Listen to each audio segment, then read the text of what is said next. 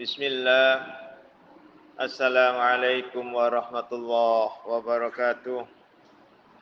إن الحمد لله نحمده ونستعين ونستغفره ونعوذ بالله من شرور أنفسنا ومن سيئات أعمالنا. من يهده الله فلا مضل له ومن يضلل فلا هادي له. أشهد أن لا إله إلا الله وحده لا شريك له. وأشهد أن محمدا عبده ورسوله الذي لا نبي بعده. اللهم صل وسلم وبارك على نبينا محمد صلى الله عليه وسلم وعلى آله وصحبه والتابعاهم بإحسان إلى يوم الدين. قال الله تعالى في كتاب الكريم يا أيها الذين آمنوا اتقوا الله حق تقاته ولا تموتن إلا وأنتم مسلمون. يا أيها الناس اتقوا ربكم الذي خلقكم من نفس واحدة وخلق منها زوجها وبث منهما رجالا كثيرا ونساء. واتقوا الله الذي تساءلون به والأرحام. إن الله كان عليكم رقيبا. يا أيها الذين آمنوا اتقوا الله وقولوا قولا سديدا. يصلح لكم أعمالكم ويغفر لكم ذنوبكم. ومن يطع الله ورسوله فقد فاز فوزا عظيما.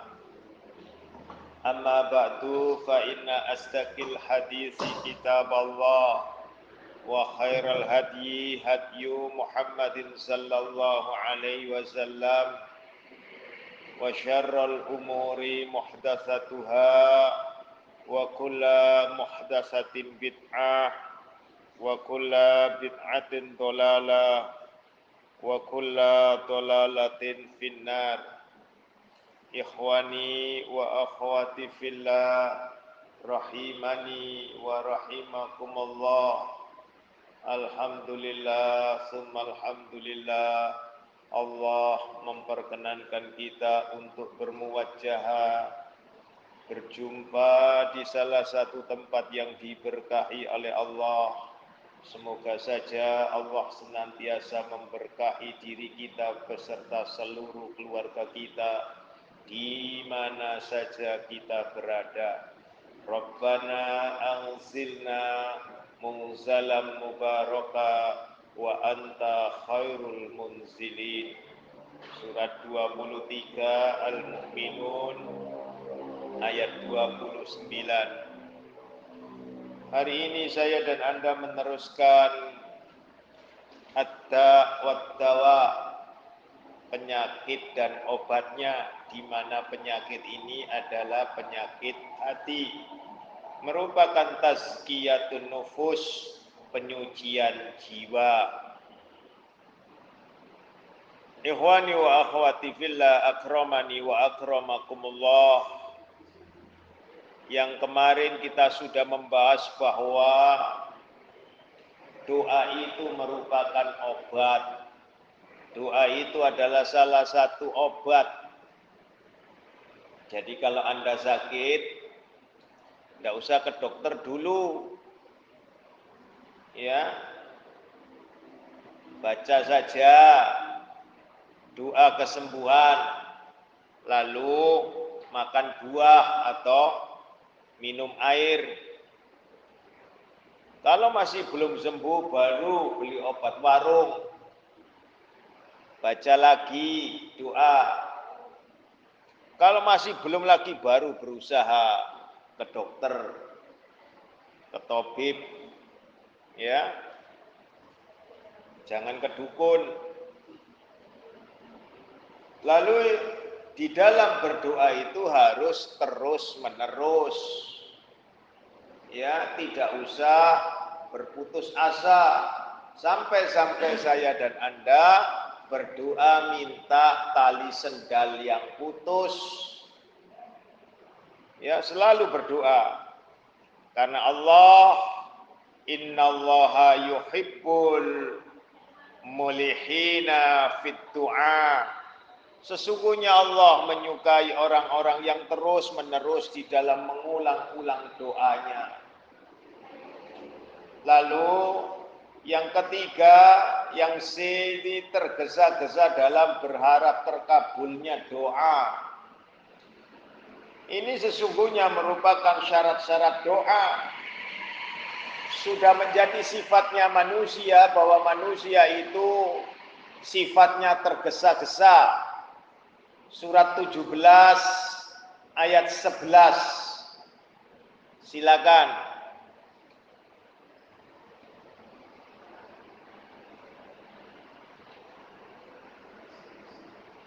Surat 17 surat Al-Isra ayatnya 11.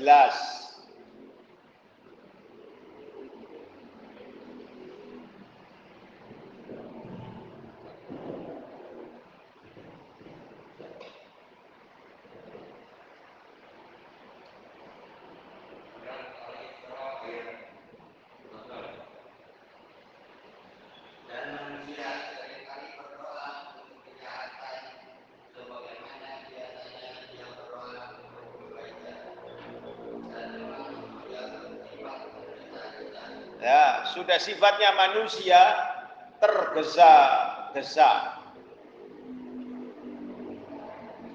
Jadi sudah sifatnya manusia, sifatnya sudah terburu-buru, tergesa-gesa. Lalu surat Al-Anbiya surat 21 ayatnya 37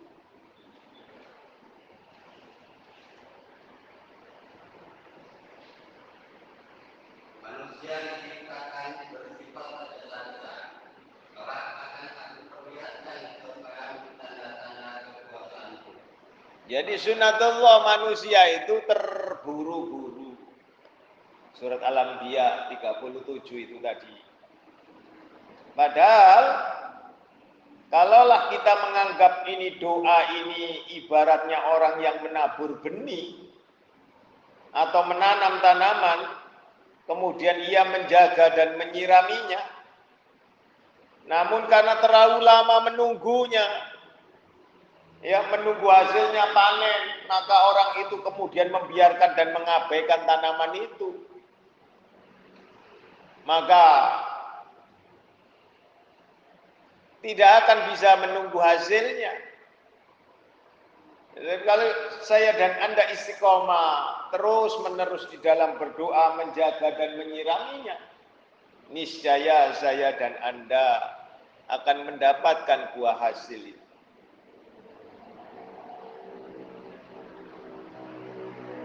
Dan doa ini tergantung dari pada niat dan tekadnya dia. Kalau selama ini ia berazam berhusnuzon kepada Allah, niscaya Allah akan husnuzon pula kepada diri kita. Maka syarat-syaratnya doa itu adalah yang pertama adalah mengetahui bahwa Allah sajalah yang mengijabah doa. Allah sajalah yang menjawab doa seseorang.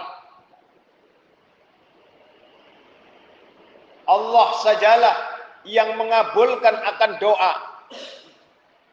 Surat Semut ayat 62.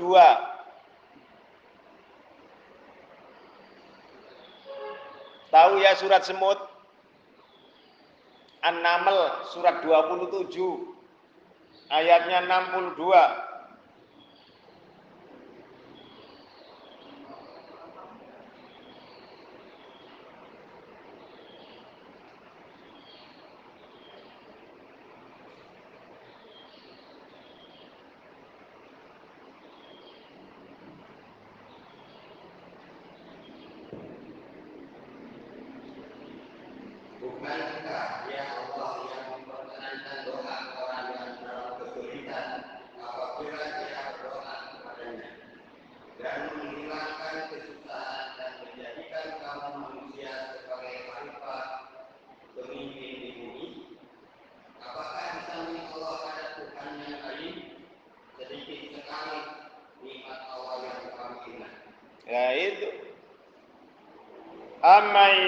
Yuhibbul mudtarru mudtarra idza da'ahu wa yakshifu su'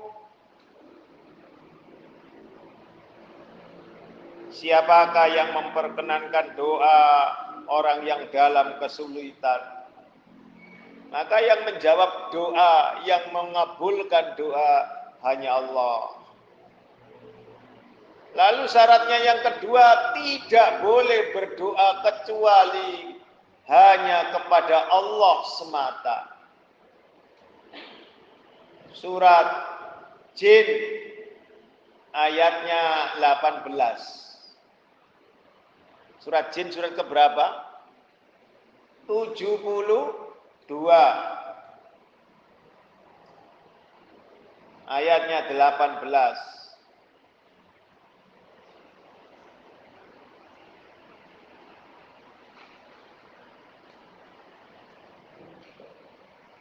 Dan sesungguhnya masjid-masjid itu adalah untuk Allah. Maka janganlah kamu menyembah apa pun di dalam di dalamnya selain Allah. Yaitu menyembah hanya kepada Allah saja ya meminta hanya kepada Allah sajalah. Tidak boleh berdoa kepada selain Allah di masjid tawasulan.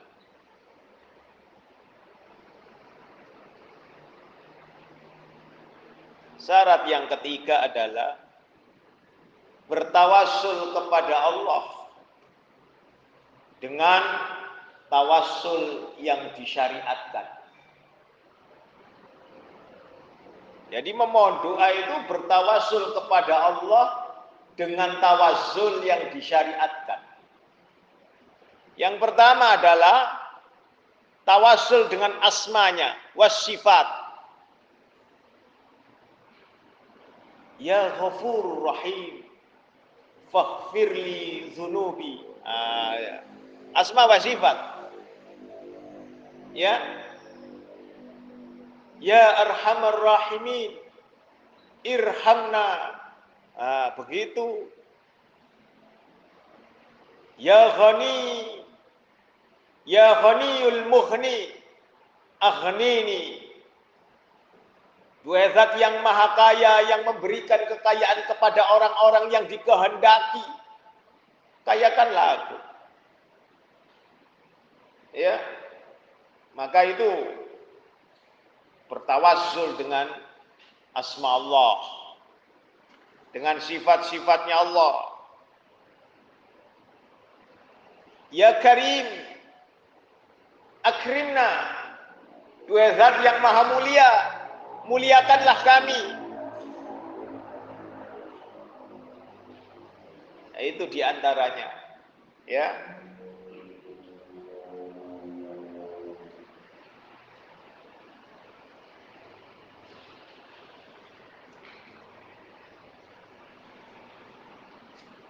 Lalu kemudian bertawasul dengan orang uh, dengan amal kita. Ya, dengan amal kita. Boleh bertawasul sebagaimana hadis yang ada di dalam gua, orang tiga orang yang berada di gua.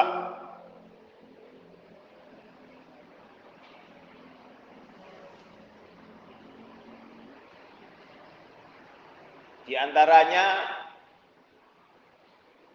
tawasul dengan amal ini ada di dalam surat 3 ayatnya 16.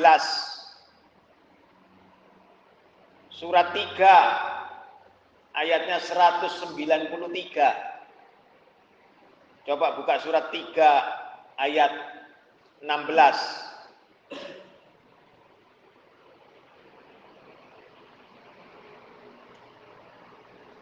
Itu bertawasul dengan amal yang salih yaitu orang-orang yang berdoa ya Tuhan kami kami benar-benar beriman maka ampunilah dosa-dosa kami dan lindungilah kami dari ajar neraka kami telah beriman. Lu amal soleh itu. Maka ampuni kami. Ya itu beramal soleh namanya.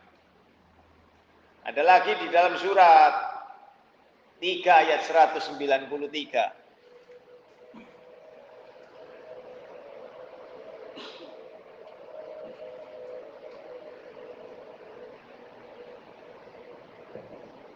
Ya Tuhan kami, sesungguhnya kami mendengar yang orang yang menyeru kepada iman, yaitu berimanlah kamu kepada Tuhanmu, maka kami pun beriman.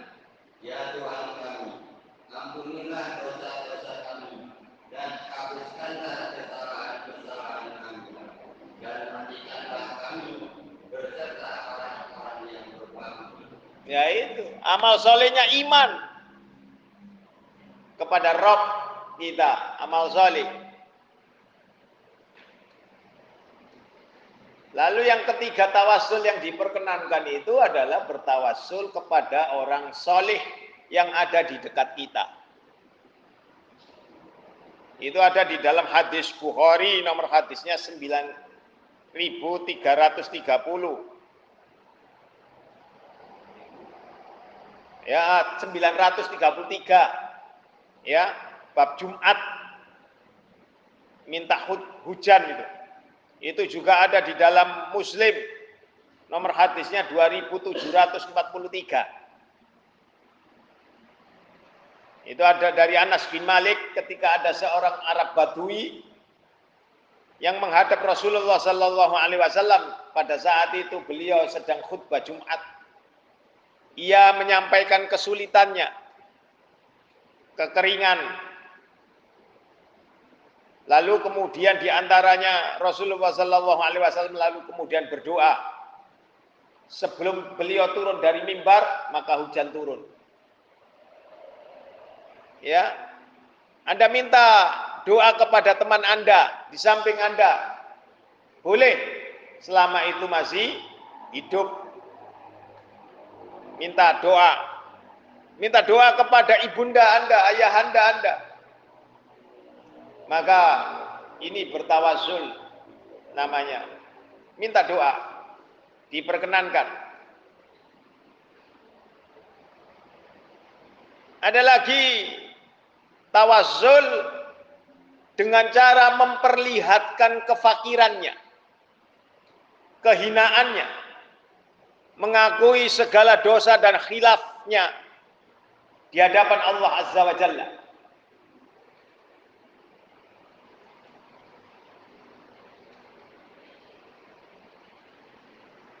Di antaranya Allahumma inni abdukal fakir.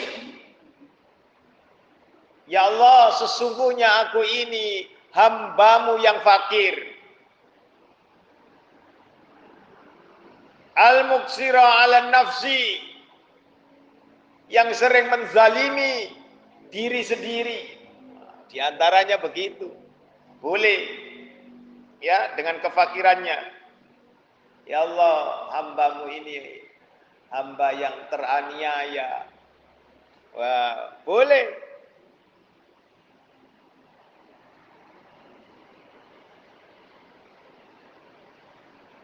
Bagaimana kalau di dalam Al-Quran bahwa tawazul dengan memperlihatkan kefakirannya itu.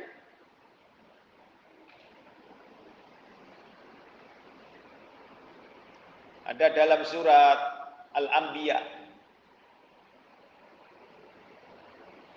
Surat 21 ayatnya 87.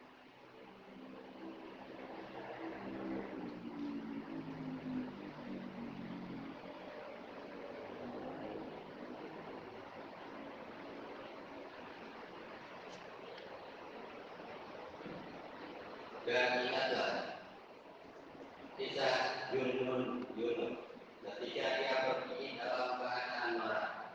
Lalu dia menyangka bahwa kami tidak akan menyulitkannya.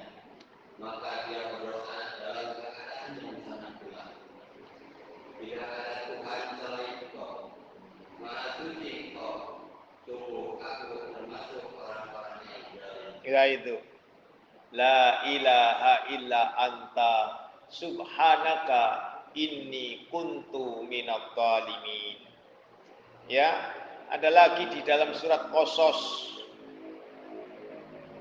doanya Nabi Musa surat 28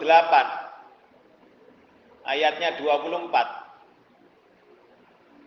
itu memperlihatkan kefakiran, kehinaan di hadapan Allah Azza wa Jalla.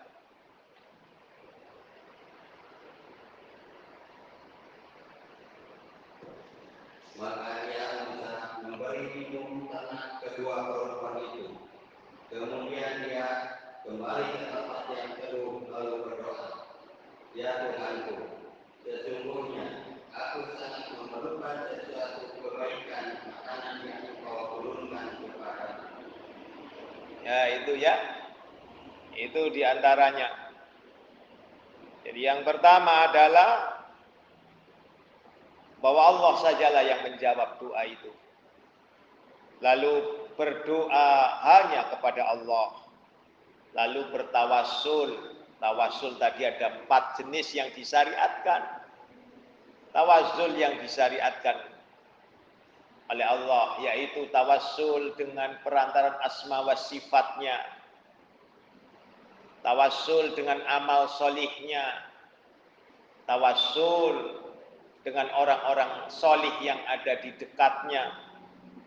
Ya tawassul dengan kefakirannya dia kehinaannya dia banyaknya dosa dia. Itu tawassul. Yang keempat tadi tidak boleh tergesa-gesa di dalam mengharap terkabulnya doa. Ya, itu masuk yang C itu. Lalu berdoa untuk kebaikan. Kalau untuk keburukan maka malaikat juga mengaminkan akan menimpa diri kita sendiri.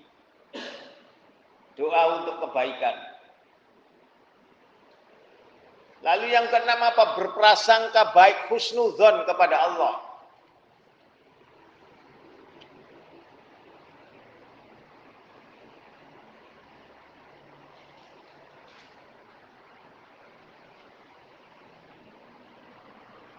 Sampai-sampai Rasulullah Sallallahu Alaihi Wasallam bersabda di dalam Rawahul Muslim nomor hadisnya 2877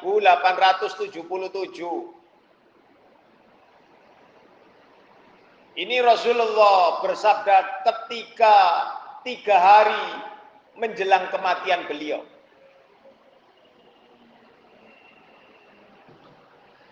La yamutanna ahadukum illa wa huwa yuhsinu dhanna billahi azza wa jalla. Janganlah meninggal dunia salah seorang di antara kalian illa kecuali wa huwa dia itu yuhsinu dhanna billahi berprasangka baik terhadap Allah Azza wa Jalla. Itu Muslim 2877. Yang ketujuh adalah hati ini penuh kekhusuan, konsentrasi. Kemarin sudah kita bahas tidak boleh sekedar hanya sekedar baca doa, tetapi hatinya lalai.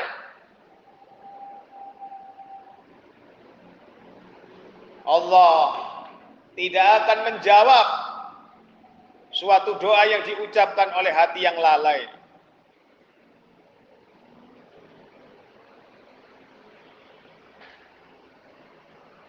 Itu ada di dalam At-Tirmizi 3479 atau berani di dalam ad-doa nomor hadisnya 62 Al-Albani menuliskannya di dalam Sahih Al-Jami. Nomor hadisnya 245 Lalu berdoa dengan doa yang disyariatkan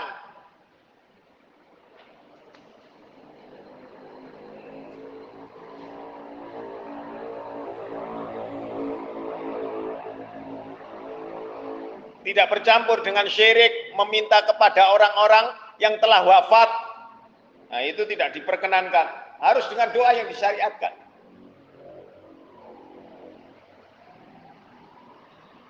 Tawassalna bikaromatil sunan ampel sudah syirik. Kami bertawasul berperantara dengan kekeramatan daripada Sunan Ampel. Sudah syirik. Ya. Jadi harus dengan doa yang disyariatkan. Lalu ada yang tidak ada hubungannya dengan doa tetapi itu dihubungkan oleh dalil apa makanan. Kemarin kita sudah membahasnya. Jadi makanan orang yang berdoa itu harus halal.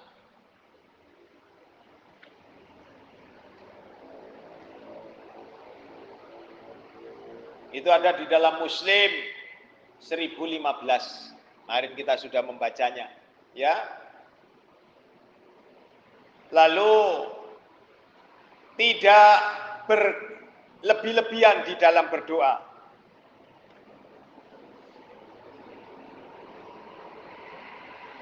Ya, ada dalam surat 7 itu ayat 55.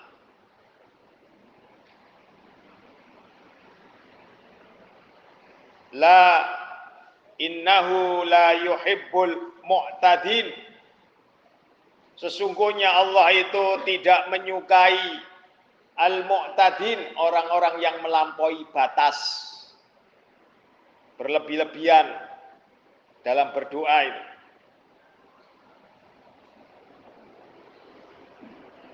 ketika berdoa tidak boleh mengesampingkan pekerjaan yang fardu. Contoh, saking sibuknya doa, tidak sholat fardu. Saking sibuknya sholat duha, ya, lalu kemudian dia melalaikan pekerjaan kantornya. Contoh, masuknya setengah delapan. Ketika masuk, dia sholat duha. Sudah korupsi waktu. Ya, lalu berdoa. Jam delapan lebih seperempat baru selesai. Baru masuk ke tempat ruang kerjanya. Tidak diperkenankan hal yang demikian ini. Maka doanya percuma. Itu syarat-syarat berdoa. Lalu kemudian waktu-waktu terkabulnya doa. Ada waktu-waktu terkabulnya doa. Makan. Ya, sebutannya makan.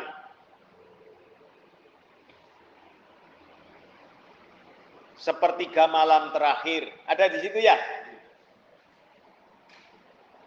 saat azan dan sesudahnya. Ya, antara azan dan iqomah. Setelah melaksanakan sholat wajib,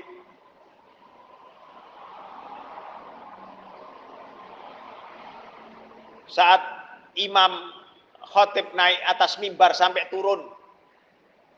Ya. Saat-saat terakhir waktu asar di hari Jumat pada asar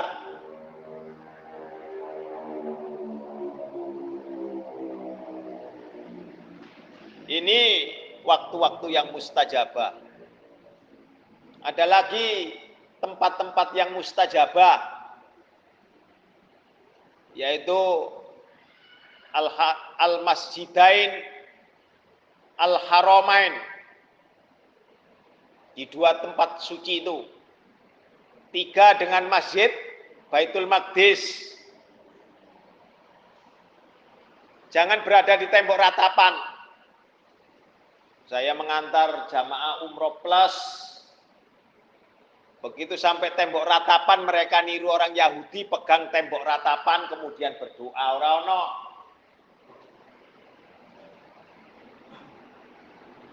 Ya. Antara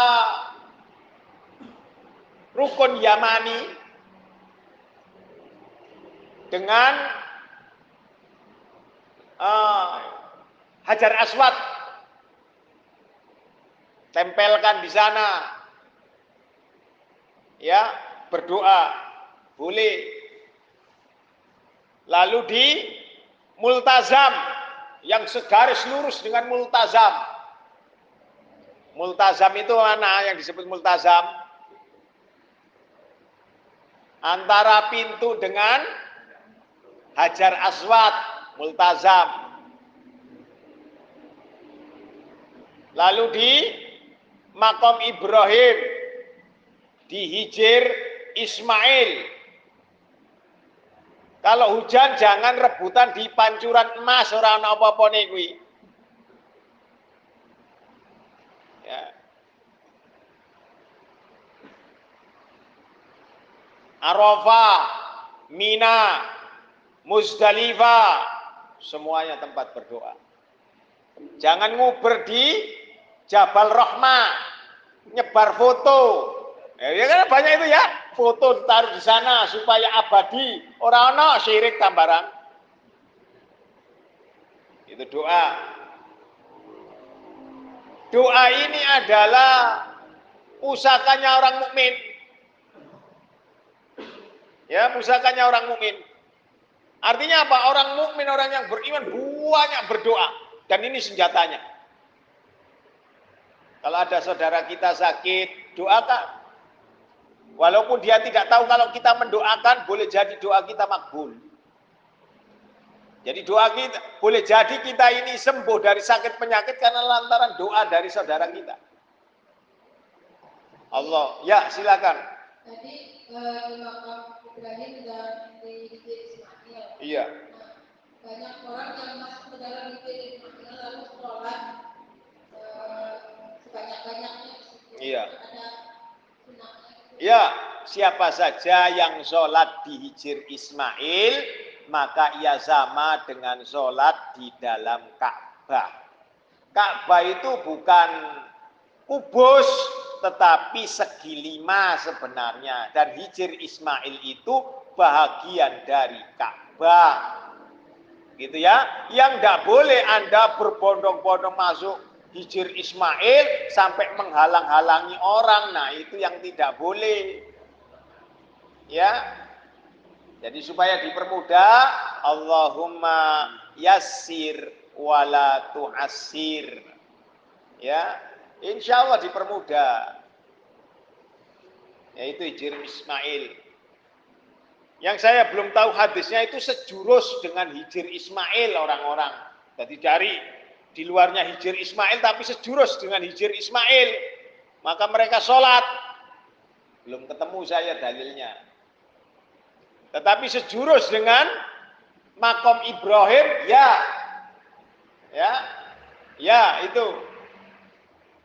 Lalu kemudian di Sofa dan Marwa kalau yang di Multazam itu apakah kita bisa mundur sampai belakang Ya, garis lurus dengan multazam. Oh, kalau di depan sampai waduh. Yang nggak bisa itu mohon maaf yang keliru adalah sampai pegangan di pintu Ka'bah ya. Keliru. Wong multazam itu antara pintu sama itu kok. Orang berpegangan di situ ya. Ada itu. Enggak apa-apa. Terutama kalau antara rukun Yamani dengan uh, Hajar Aswad, ya. Makanya kalau saya rame, mending saya ke sofa atau marwah, naik juga. Tempat-tempat yang mustajabah, ya. Atau belakang jam-jam, kan sepi itu ya. Nah, belakang jam-jam, wes minum sambil minum, sambil apa? Uh, kepala ini diguyur dengan air zam-zam. Bebas. Sumurnya kan sudah ditutup. Ya kan? Nah itu di depan itu saja sudah. Ya. Uh, zam-zam. Di Raudho, Raudho tidak ada semua masjid Nabawi mustajabah. Semua masjid Nabawi mustajabah tidak dikhususkan di Raudhah. Raudhah hanya mengatakan antara mimbarku dengan makomku ada taman surga. Itu dok. Hadisnya, soal di situ lebih tidak sama. Lah iya itu orang karena keper, kepercayaannya tidak berdasarkan dalil, bahkan sampai menghalangi orang sholat kan, tumpuk di situ. Apalagi tempat uh, sholat tahajudnya Rasul yang ditinggikan itu ya, hanya berapa meter itu cuman kotakan begitu saja. Waduh, bisa 100 orang di situ ya. Sujud saja tidak bisa. Ya, hanya kecil begitu. Ya, itu orang berdesak-desakan di Raudhah. Sama. Iya, sama.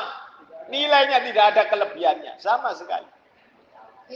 Ya. Ketika kita melakukan apa, eh, ijabahnya doa ketika uh, di Mutazam, di uh, di dan lain-lainnya itu dilakukan waktu umroh dan kita umroh sama sekali. Iya.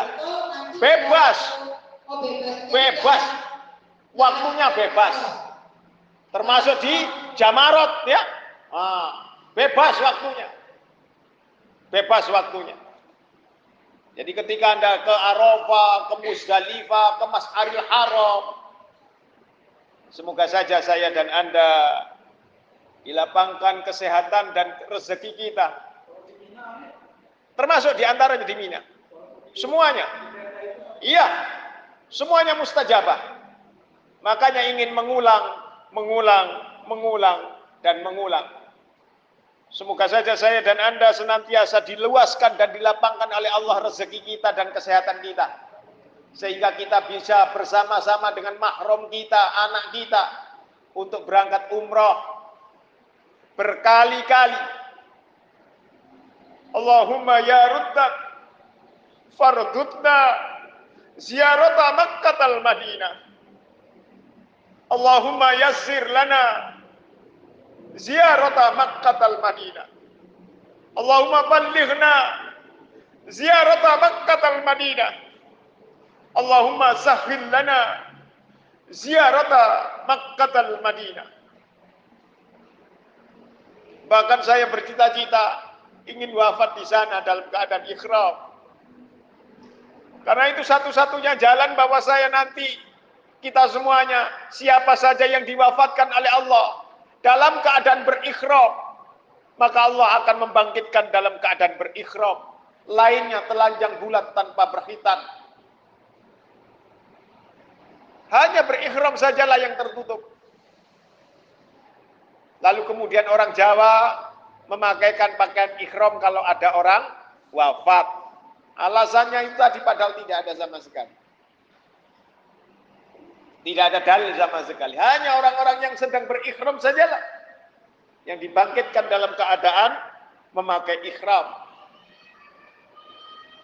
Mustajabah. Tidak ada tan'im. Jirona, tidak ada dalilnya. Ya. Hanya mencapai keseluruhan seluruh tanah haram termasuk tan'im ya mustajabah. Hanya mengkhususkan tan'im, Hudayb, Hudaybiyah. Tidak ada. Ya, maka jangan keliling. Wis di situ aja dua kota, dua masjid itu saja. Ya, tidak perlu. Ya. Ada pertanyaan lagi. Sungguh menyenangkan kalau mengenang masa-masa umroh dan haji. Walaupun sudah berkali-kali tetap saja ada kenangan manis di sana. Pengen mengulang lagi, mengulang lagi, mengulang lagi. Bagaimana tidak di sana? Ya, berbeda dengan kota-kota di luar dua kota suci. Riyadh, waduh, sudah orang sudah wanita terbuka itu sudah biasa. Jeddah, ya, terbuka sudah biasa sekarang ini. Bahkan sekarang wanita usia 21 boleh nyetir tanpa mahram. Sudah boleh terbuka. Tapi kalau di dua kota suci tidak boleh. Ya, sudah ada bioskop di Riyadh. Padahal selama ini tidak ada bioskop, baru dibuka bioskop. Sudah masuk, sudah. Hanya dua kota suci yang terjaga. Ya. Ada lagi?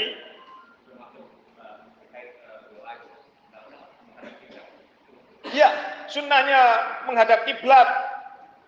Ya, sunnahnya menghadap kiblat. Itu adab, masuk ke kelompok adab. Lalu bersuci. Ya, itu mengangkat kedua tangan, itu adab. Bedakan ya, adab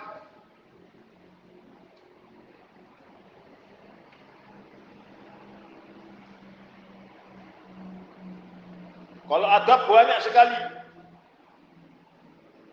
Harus memiliki ambisi yang tinggi. Banyaklah angan, banyaklah cita-cita dalam berdoa. Wis, ya Allah, sekiranya engkau melimpahkan kepadaku harta kekayaan yang banyak, ya Allah. Perbendaharaan dunia ini engkau berikan kepadaku, niscaya aku akan banyak bersedekah, ya Allah. Boleh, Walaupun mohon maaf, pekerjaannya model saya angkat-angkat galon. Boleh bercita-cita demikian. Ya, boleh. Berambisi yang tinggi. Walaupun tidak pernah tercapai kekayaan kita, ya Allah tetap akan menghitung pahala kita karena niat kita sudah. Ya, makanya Imam Syafi'i mengatakan perkara niat adalah sepertiga dari ilmu agama, 70 bagian dari ilmu fikih.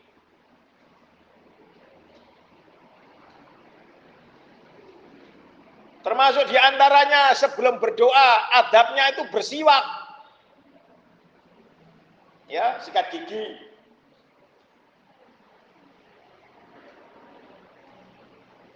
Termasuk menangis ketika berdoa, itu bahagia. Tetapi kalau sudah di hadapan banyak orang, hapus. Gitu ya, jangan sampai tam, tampak rounnya berdoa sesuai dengan Al-Quran dan As-Sunnah.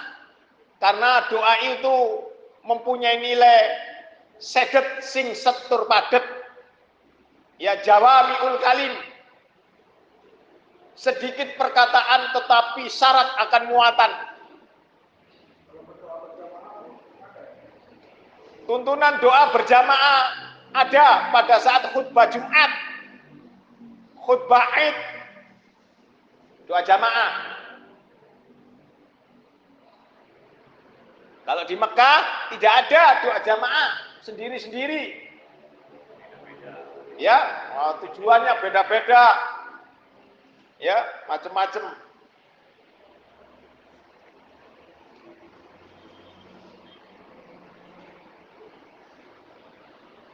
Lalu beberapa rahasia doa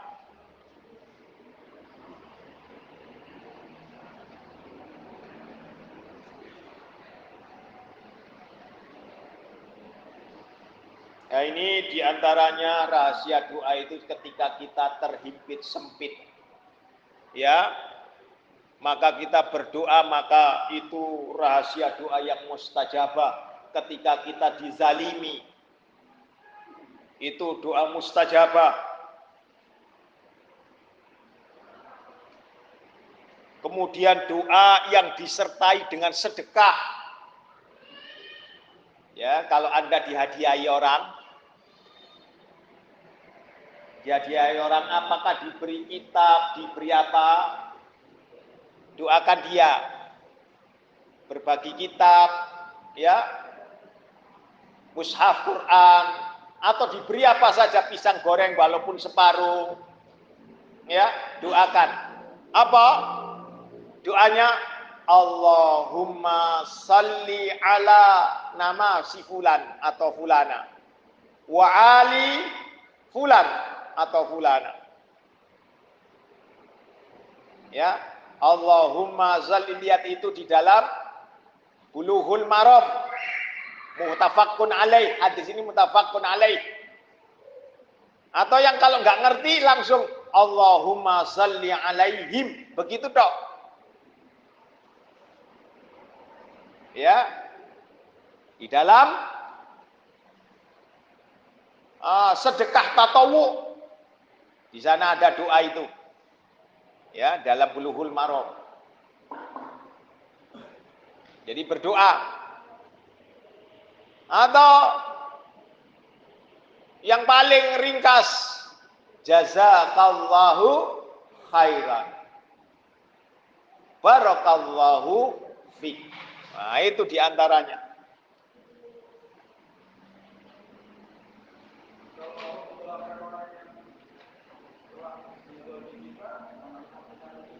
Oh itu bagus. Saya teringat pertengkaran Abu Bakar As-Siddiq dengan mantan budak Rasulullah Sallallahu Alaihi Wasallam mengenai batas tanah.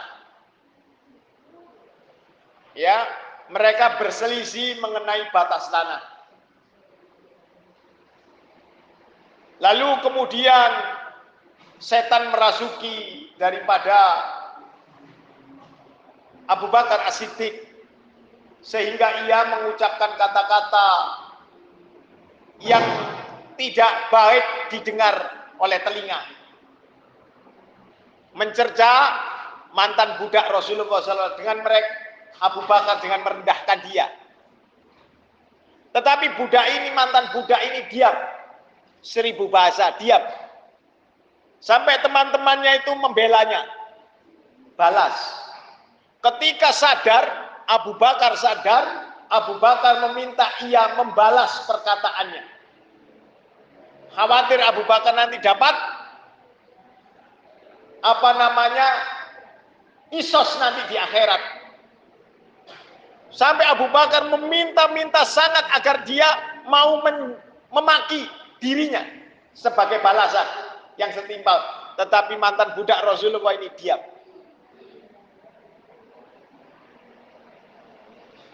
Orang-orang yang membantu mantan budak ini tidak tahu bahwa yang dihadapi itu adalah Abu Bakar. Makanya, ayo kita lawan.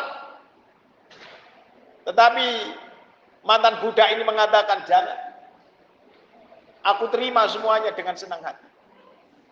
Kau tahu siapa? yang mengajakku ber, bertengkar, dialah Abu Bakar. Kaget mereka. Abu Bakar kemudian mengajak mantan budak ini menuju Rasulullah Sallallahu Alaihi Wasallam. Ya, lalu kemudian menghadap mantan budak ini mengikuti saja di. Silakan Anda di depan Tuhan.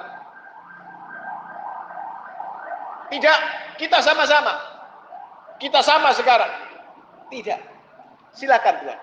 Allah memuliakan Tuhan. Lalu kemudian menghadap Rasul. Diceritakan tentang itu. Agar mantan budak Rasul ini mau mencerca dan memaki dirinya. Lalu kemudian apa yang dikatakan Rasul? Perbuatanmu engkau diam itu sudah betul.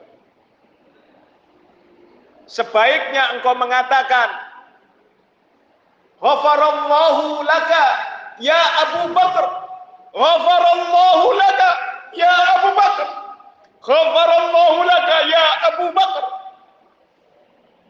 Semoga Allah mengampuni atas engkau wahai Abu Bakar. Mendengar doa itu tiga kali, Abu Bakar menangis, pergi dan menangis. Sepanjang perjalanan dia pulang menangis. Itulah yang diucapkan sebaiknya oleh seorang yang mengaku beriman. Surat 25 ayat 63 yang kemarin kita bacakan.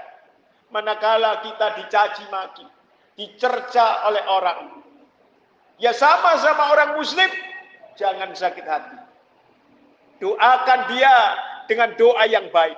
Ghafarallahu lak. Ghafarallahu lak.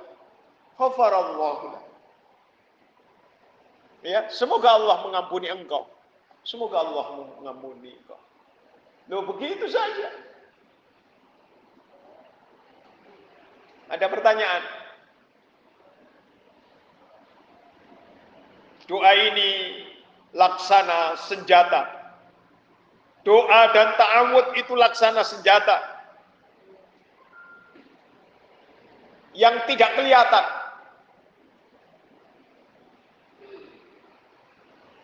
Jadi banyaklah kita orang-orang yang mengaku diri kita iman.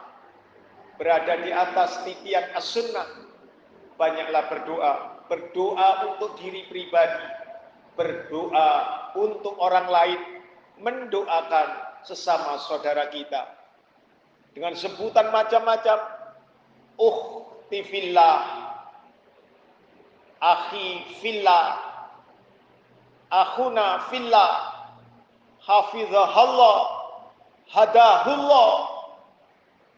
Ya, zawadan Allahu taqwa dan macam-macam doa-doa yang baik karena itu merupakan senjata. Suami kita yang boleh belum mengikuti sunnah, doakan hadahullah. Semoga Allah memberinya hidayah.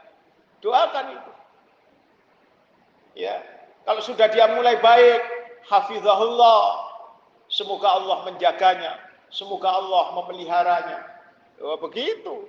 Indah sekali terasa. Ya. Karena doa ini laksana senjata. Lalu kemudian apa korelasinya antara doa dan takdir? Kemarin kita sudah hadisnya sudah di la qadra illa doa. Tidak ada yang dapat mengubah takdir kecuali dengan doa. Surat 13 ayat 39. Allah menghapus akan takdir lantaran doa kita. Contoh, ada seseorang bertanya kepada kami, apa yang di, kita baca saat orang itu sakaratul maut? Kalau orang yang tidak ngerti, kemudian dia menggabungkan dengan doa selamat Allahumma hawwin alaina fi sakaratil maut. Lalu kemudian dia rubah karena dia merasa ngerti zamir.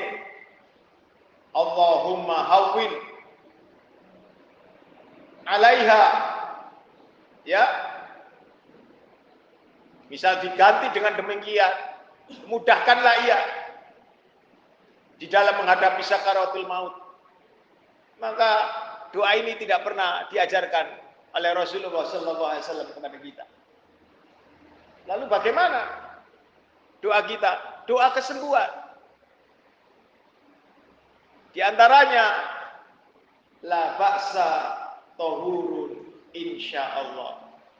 Kita sudah mengajarkan lakinu mautakum la ilaha illallah. Kita sudah membimbing la ilaha illallah. Tapi jangan kemudian terus-terusan la ilaha Allah orang itu bosan. Allah yang nanti akan menggerakkan diri maka doakan la ba'sa tahuru insyaallah la ba'sa tahuru insyaallah la ba'sa tahuru insyaallah tiada mengapa atas penyakitmu ini semoga cepat terbersihkan jika Allah menghendaki paling panjang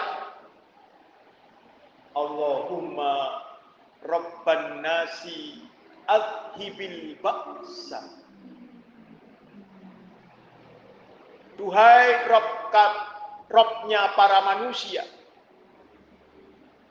Azhibil baksa. Musnahkan, lenyapkan segala deritanya. Ishfi. Siapa namanya? Sembuhkanlah ia. Wa anta syafi. Sedangkan engkaulah sang penyembuh. La shifa'a, tiada kesembuhan. Illa shifa'uka, kecuali kesembuhan datangnya dari kau. Syukur Shifa'an la yughadiru saqama. Kesembuhan yang tiada pernah meninggalkan bekas penyakit lagi.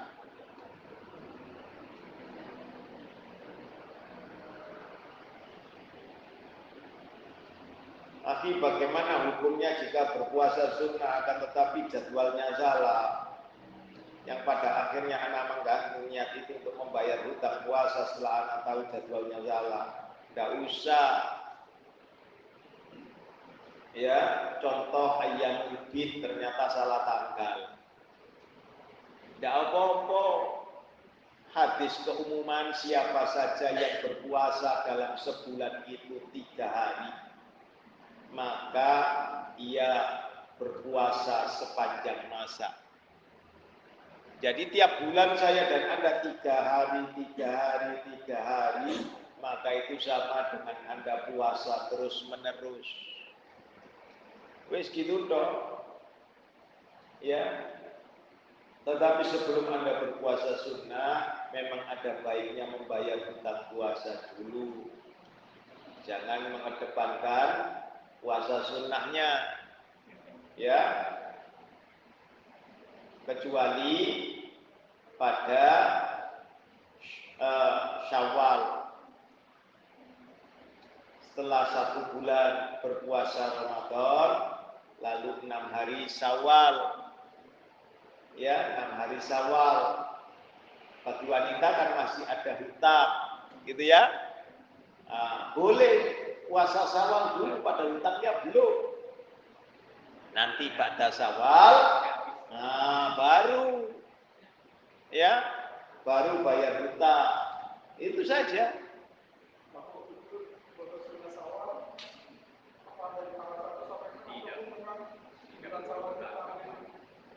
Yang afdol adalah mulai tanggal 2 Sawal, 6 hari. Itu yang afdol.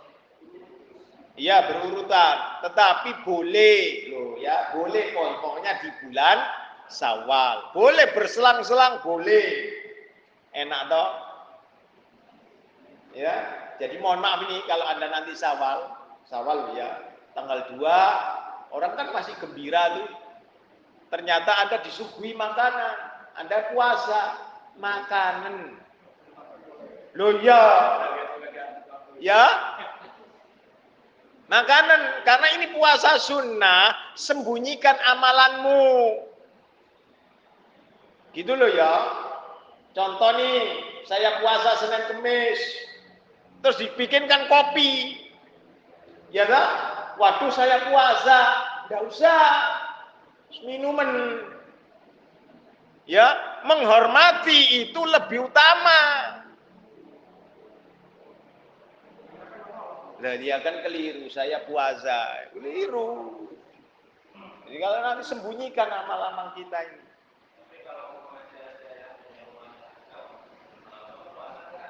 Oh, kalau dia mengatakan demikian ya enggak masalah. Gitu ya. Tapi kalau sudah disuguhi, wes silakan makan dulu. Ya lah. Iya makan sudah. Apakah pahala puasanya dapat? Tidak dapat akan tetapi pahala menghormati orang yang itu jauh lebih besar. Yang kedua Anda dapat pahala apa? Menyembunyikan amal. Sama dengan tadi ini pertanyaannya. Membayar hutang. Membayar hutangnya pada Senin Kemis. Membayar hutangnya pada Ayamul Bid. Niatnya bayar hutang. Tetapi bersamaan dengan hari-hari yang Allah agungkan. Ya sudah dapat nilai plus. Ya. Nah, begitu. Tidak ada makanan. Puasa. Ya, kalau begitu aku berpuasa ya. Nggak ada makanan untuk menghindari marah pahala itu. Ya, sehingga istrinya nggak diomeli. Pagi-pagi ada makan, kerjaannya apa aja. Ya, uh, itu belajar menerima itu semua. Mulai besok jangan sediakan ya suami Nanti anggapannya begitu, nguji sabar ya bukan begitu ya. Nguji sabar. Tapi sekali lagi kalau Anda mengikuti sunnah sebentar lagi Ramadan loh ya. Anda dan saya akan diuji apakah saya dan Anda semakin tawaduk, semakin betul dalam berpuasa atau semakin berhambur-hamburan dalam berpuasa. Dengan cara itu tadi yang nggak biasanya nggak ada kolak, ada kolak. Hati-hati loh ya. kan Anda akan kena dalil tentang menghambur-hamburkan. Boros dan boros itu temannya setan. Eh situ jelas itu. Hah? Lah ya itu tadi yang keliru salah kaprah sudah kita jelaskan. Ya. Justru mohon maaf sekali ketika berpuasa dalilnya Anda lihat Anda memberi minum orang yang berbuka untuk ini ya ketika ada orang lewat di depan Anda, Anda berikan Pak batalkan dulu puasanya Anda sudah dapat tidak usah kemudian sengaja mengada-adakan, tidak ada. Ya, hati-hati salah kaprah. Tidak boleh sholat berjamaah dalam keadaan perut kenyang. Ya tak? pikirannya ke mana-mana, perut kosong ya tidak boleh, perut kenyang juga tidak boleh. Makro bentuknya, bukan larangan total, tapi makro. Sehingga apa timbulnya males-malesan. Hati-hati loh ya. Sebentar lagi Ramadan, jangan sampai Ramadan kita ini sia-sia Jangan sia-siakan Ramadan kita. Belum tentu tahun depan saya dan Anda jumpa Ramadan lagi. Ya, hati-hati sekali kalau Anda mengikuti sunnah. Seadanya biasanya bagaimana yaitu. Wis biasa. Ya. Ramadan untuk banyak sedekah naam. Jangan ditampakkan sedekah makan buahnya orang yang butuh. Saudara-saudara kita itu datang ini. Kayak. Buat hari raya ya. Nih. Nih buat jajan. Nih buat nanti. Royalo. Dalam bentuk sedekah. Kalau makanan biasa saja. Makanan biasa saja. Ya, banyak sekali. Tidak boleh dijatah. Bu, kalau ngasih 10 ya gorengan, tidak boleh. Biar ngasihnya gorengan cuma satu, terima. Tidak boleh dirasani. Gorengan satu, jauh-jauh ke At-Taubah. Tidak boleh. Yang sopo sing ngomong ini dihukumi munafik tulen. Tidak bisa didoakan, dimintakan ampun kepada Allah sehari 70 kali sekalipun tidak bisa. Hati-hati.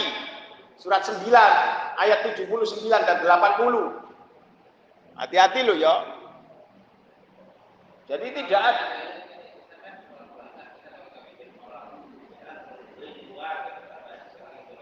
Sama.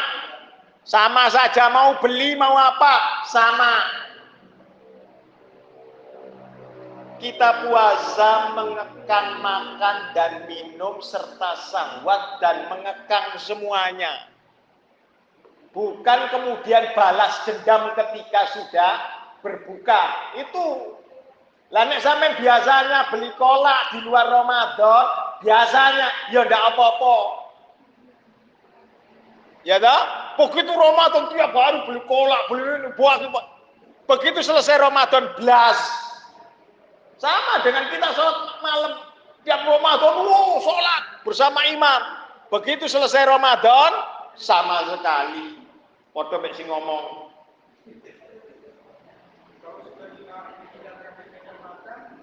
Lah ya itu di, diberitahu nyonyanya wong ganteng. Jangan sampai sia-sia puasa kita. Sampai bangga bulughul marom. Ya, Wah. Ya, hati-hati. Ya. Hati-hati. Rata-rata, waduh, biasa-biasa saja. Anda boleh buka nanti, mohon maaf ya, kalau punya luk-luk wal marjan. zuhud dan pelembut hati. Namanya zuhud wariko. Kitabnya ya.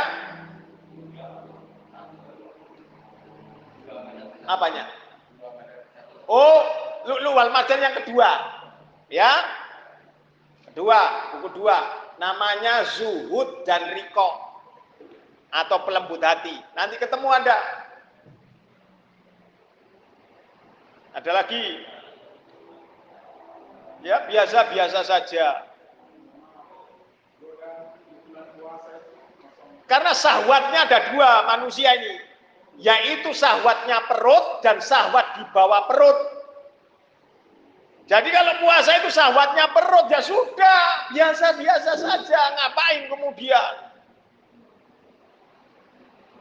Orang berbagi di jalanan sampai orang ngumpulkan banyak makanan, gopo nanti dibuang. Ah, memang sunnah supaya apa? Nggak, orang yang rumahnya tidak ada kurma di dalamnya adalah orang kelaparan. Karena kurma itu apa? Memang mengenyangkan, tahan lama. Sunnahnya begitu apalagi ketika uh, sahur makan kurma. Ya, itu hati-hati sekali lagi, ya. Ada lagi pertanyaan? Ini soal cerai. Hmm. Bagaimana cara menghitung uh, talak satu, talak dua dan tiga? Oh, gampang. Pendapatnya uh, seperti ini bahwa kalau dia hukum ketika masa tiga masih masa tiga berarti uh, talak yang sedang diucapkan itu gugur. Bagaimana cara menghitung talak satu dan dua? Uh, gampang talaknya itu kurun idahnya adalah tiga head, bukan tiga bulan ya, tiga head. Jadi kira-kira pakai tiga bulan. Kalau awalnya dicerai itu baru selesai head, jadi tiga bulan, kan gitu ya. Akan tetapi tiga head bisa kurang dari tiga bulan.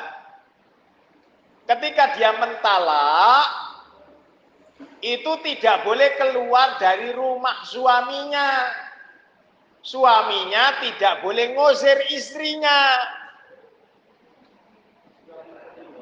Loh iya, talak satu. Ya. Melayani biasa, ngasih nafkah biasa, tidurnya sendiri-sendiri. Sejak mentalak itu tutup. Tidak boleh dasternya dibuka-buka, ora oleh. Ya, kalau mentala. Nanti kenapa supaya tidak boleh keluar dari rumah tinggalnya itu? Supaya bisa memperbaiki diri masing-masing. Terjadi lagi percekcokan selama masih dalam masa tiga kurun head terjadi percekcokan. Lalu kemudian samu saya talak tidak jatuh talak kedua loh ya. Tetap talak satu karena masa idah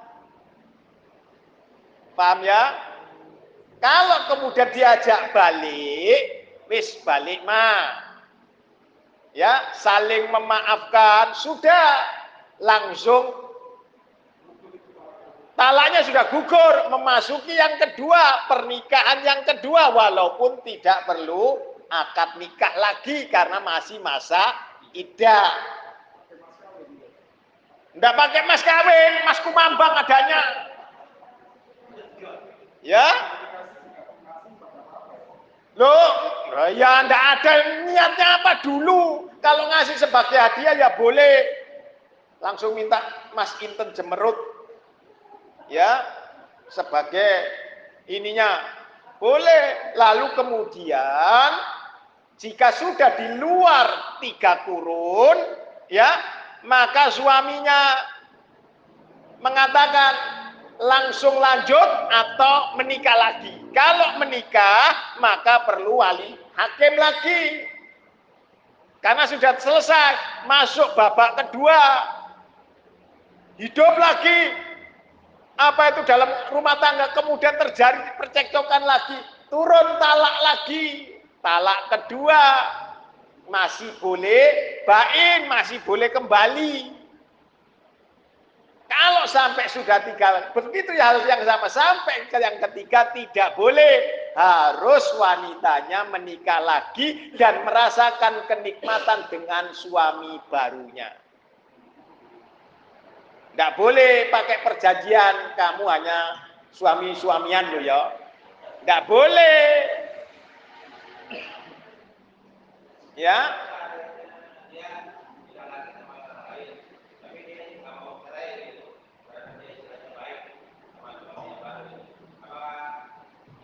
Ya enggak. Kalau dia sudah merasakan dengan suami baru, enjoy segala macam, ya teruskan. Enggak ada perjanjian nanti kamu harus sekian, enggak boleh. Hah? Kalau sudah bercerai, talak satu saja, kemudian suaminya tidak mau meneruskan rumah tangganya, dik-dik, kamu tak kasih mut'ah, ini loh rumah, mobil. Surat 4 ayat 20 dan 21. Berbahagialah jika Anda ditalak dalam keadaan kaya raya. Loh iya. Ya, maka suaminya ini akan keluar tanpa bawa apa-apa. Pengumuman Ben ora sembarangan wong lanang di Surat 4 ayat 20 21.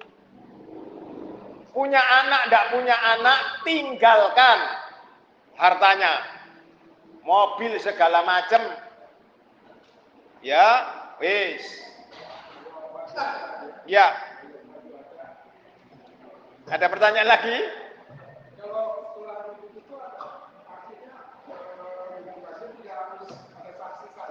Loh kalau lebih dari tiga kurun, ya harus ada saksi menikah baru. Saya kalau dalam masih masa kurun, masa idah, enggak lah. Enggak perlu. Ayo dek, rujuk. Wah boleh. Ya, enak Islam itu. Tetapi masalahnya, kemudian orang sudah tahu secara hukum agama, kemudian dia gandengkan dengan hukum tata negara. Kalau suratnya belum, walaupun itu sudah dua tahun, tiga tahun, mohon maaf ini, ya tak? Kan masih talak satu. Goblok namanya. Tanda dia muhsan. Tanda dia orang yang zina, muhalle. Ya, orang yang menghalalkan yang haram.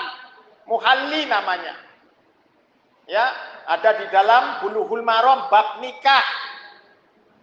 Namanya muhalli maka hukumnya zina terus sepanjang hayat. Zina terus.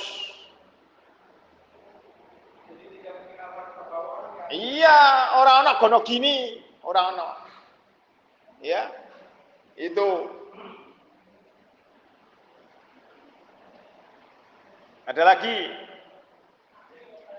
Ya. Teknik untuk bayi. Nah. Hanya kurmanya di mama. Dihancurkan dulu. Ya. Terus kemudian kurma yang sudah mulai lembut ini kalau bagusnya pakai ajwa terus kan ada campur air dan campur ludah kan ya itu ditaruh di laan atau langit-langit kemudian ditekan sehingga yang diminum bayi itu hanya airnya tok. Ya. Maka itu akan dapat mencerdaskan. Mentahnik ya. Nah, begitu. Ada lagi? Ya. Ditarik, ampasnya ditarik. Kan masih ada ya, ditarik. Bukan disuruh makan, hanya untuk ngecep. Hah? Kenapa? Kok dilalaan kok tidak? Ya, lalaan hanya ditekan boleh ya air zam-zam boleh ada lagi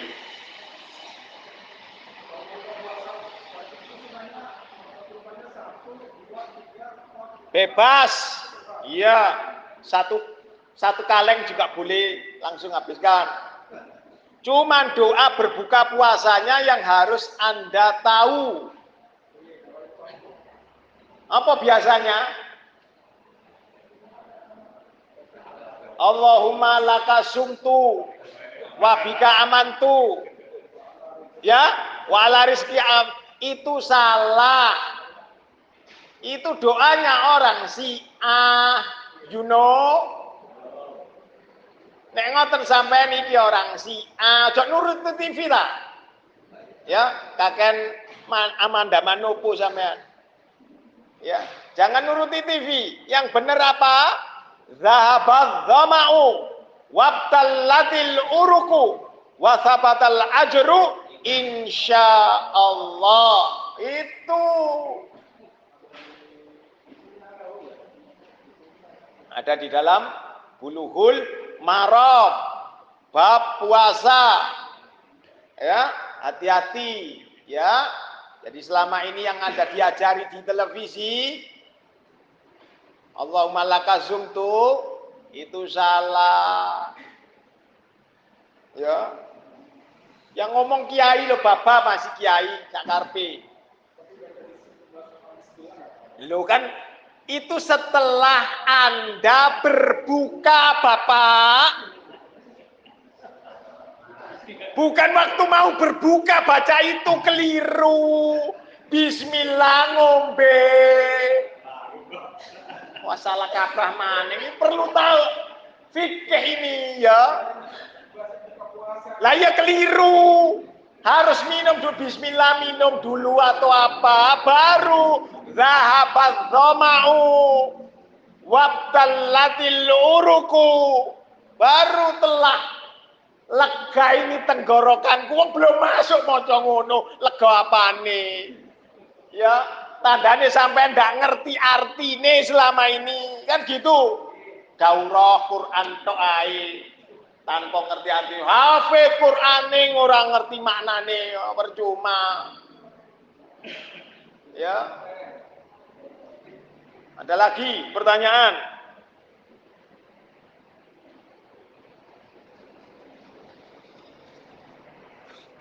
Lalu kemudian korelasinya doa dan takdir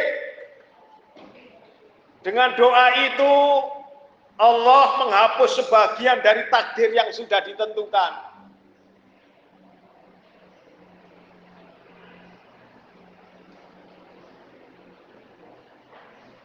Maka takdir ini usaha harus selalu beriring dengan doa. Ini sudah kita bahas mengenai ikhtiar dan takdir. Ya.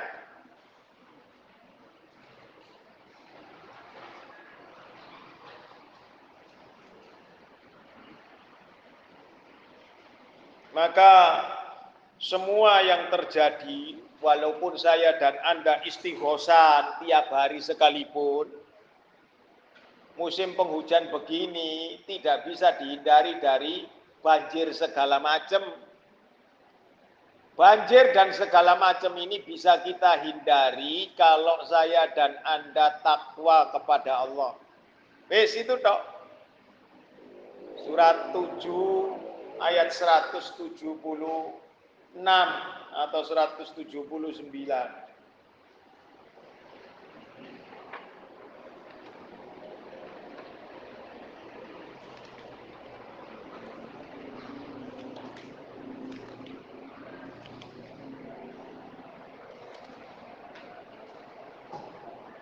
Ya,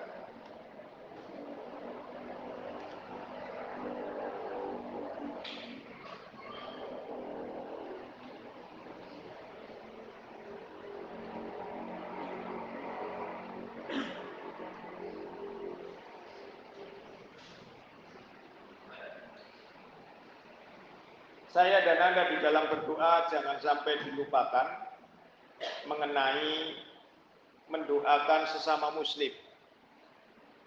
Ya, tidak diperkenankan saya dan Anda melupakan itu.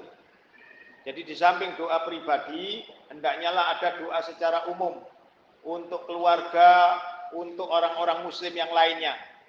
Termasuk istighfarnya.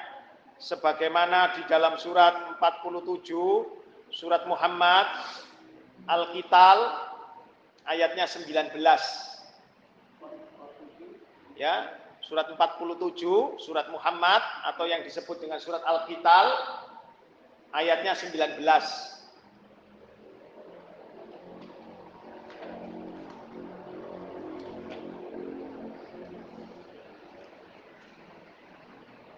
Ya. Ayatnya 19. Tadi Al-A'raf ayatnya 96 ya. Coba surat Al-Qital atau surat Muhammad. Maka ketahuilah bahwa tidak ada Tuhan yang patut disembah selain Allah dan mohonlah ampunan atas dosamu dan atas dosa orang-orang mukmin laki-laki dan perempuan dan Allah mengetahui tempat usaha dan tempat tinggalmu. Ya.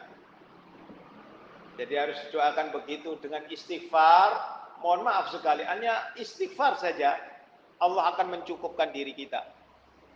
Mencukupkan tentang kebutuhan kita dunia dan akhirat sudah. Allah mesti mencukupkan. Luas ya. Hanya istighfar saja. Telah purna sudah kajian kita sampai batas takdir ya Pak ya. Korelasi dengan ya doa dengan korelasi takdir. Insya Allah hari Rebu kita sambung di Torik sunnah ya 45 jalan 45 kaujon sana tentang tobat. Insya Allah ada pertanyaan tidak ada? Ada musim waktu dua menit? Satu setengah menit? Ya silakan iya iya silakan untuk Iya. Muslimah biasanya mengadakan uh, buka puasa di bulan Ramadan, memberi buka puasa. Uh, kita biasanya bergabung beberapa orang uh, membuat makanan, kemudian membagi-bagikan untuk yang berbuka. Itu masih boleh, masih boleh kan? Boleh, cuman jangan dipaksakan sekali lagi. Jangan dipaksakan. Jadi kita ya. yang Ya, ingat sekali, buka, tidak boleh mengajak itu. Sama lihat dalilnya. Lagi di dalam sahih tarhib bat tarhib. Tidak boleh mengajak. Ya, tidak boleh mengajak. Kalau mau gabung silakan tetapi mengajak tidak boleh. Masalahnya ada di antara donatur-donatur eh, beliau-beliau ini menentukan kalau ada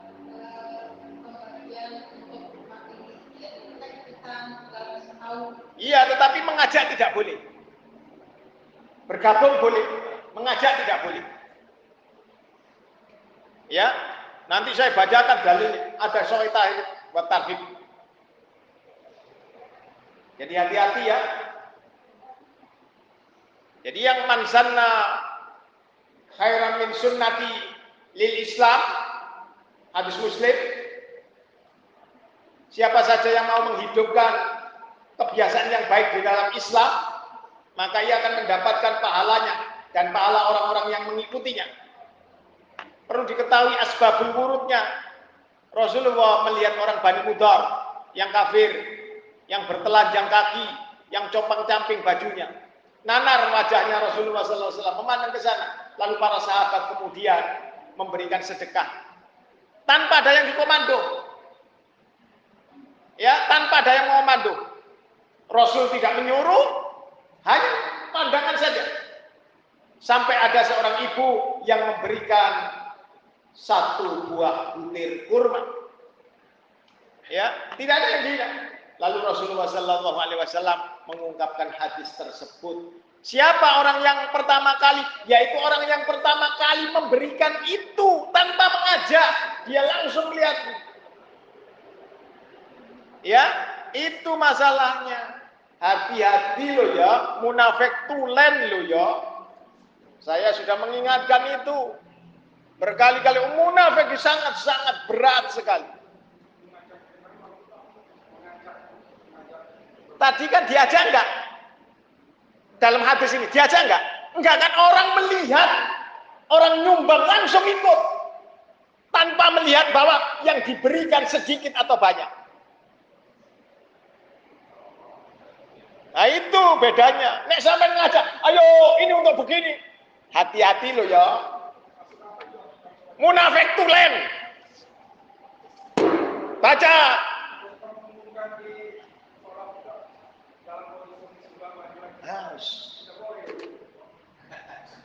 Ya. Hati-hati. Makanya baca surat 2 ayat 8 sampai 20. Lihat At-Tabari, Al-Qurtubi, Al-Baihaqi, Ibnu Katsir supaya jelas tentang orang munafik. Lihat juga surat munafik supaya Anda tahu betul-betul faham betul akan artinya orang-orang munafik. Ingat ya, ini peris orang munafik ini bak berbaju ya serigala berbaju domba. Hati-hati Ya, maka Allahumma la taj'alna minal munafikin. Sampai di sini dahulu. Subhanakallahumma bihamdik asyhadu an la ilaha illa anta astaghfiruka wa atubu ilaik. Kurang lebihnya mohon maaf. Assalamualaikum warahmatullahi wabarakatuh.